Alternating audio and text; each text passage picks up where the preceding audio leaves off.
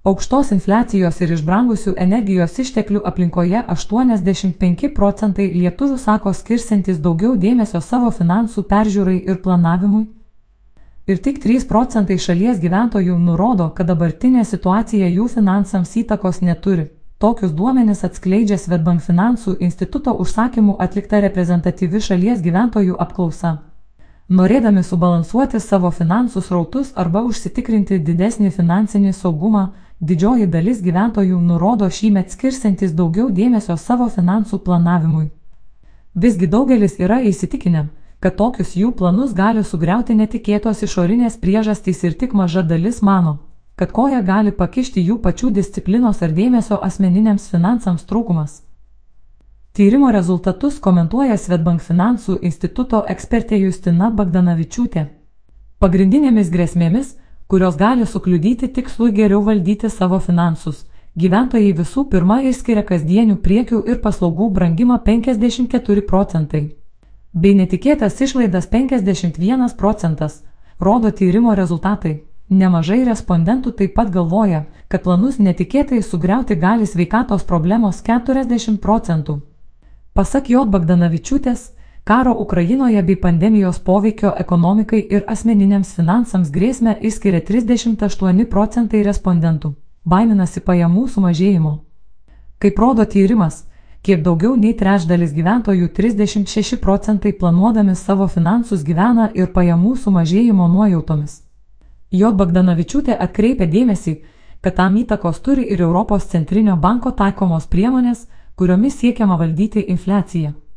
Su kintamomis palūkanomis susijętų paskolinių įsipareigojimų turintys gyventojai jaučia išaugusių paskolų įmokų įtaką savo finansams. Kita vertus, prognozuojama, kad šiais metais ir toliau auks atlyginimai Lietuvos banko numato 9,1 procentą sieksianti darbo užmokesčio augimą. Žinoma, vidutinio darbo užmokesčio augimas skirtinguose sektoriuose dirbantiems gyventojams nebus vienodas. Tiesiogiai ekonominių sukretimų paliestose įmonėse atlyginimų kelimo galimybės bus labiau ribotos, o tos verslo sritys, kurios yra konkurencingos ir kurių darbuotojai yra paklausus darbo rinkoje, greičiausiai galės pasiūlyti prognozuojamą ar ne didesnį atlyginimų kelimą šiemet, komentuoja Svetbank finansų instituto ekspertė. Tačiau, kaip pastebi finansų ekspertė, Bendros ekonomistų prognozės dėl šių metų ekonomikos situacijos yra greičiau optimistinės nei pesimistinės. Todėl baime dėl galimo pajamų mažėjimo verčiau pakeisti racionalių mąstymų ir planų, kaip būtų galima didinti savo pajamas, daugiau dėmesio savo elgsenai. Gana simptomiška yra tai, jog tarp galimų trukdžių pagerinti savo finansinę situaciją retas gyventojas įskiria ne išorinius, o savo pačių finansinės elgsenos trūkumus, atkreipia dėmesį J. Bagdanavičiūtė. Remiantis tyrimu, vos 12 procentų respondentų mano, kad įsikeltų finansinių tikslų pasiekti gali nepavykti dėl asmeninės disciplinos trūkumo.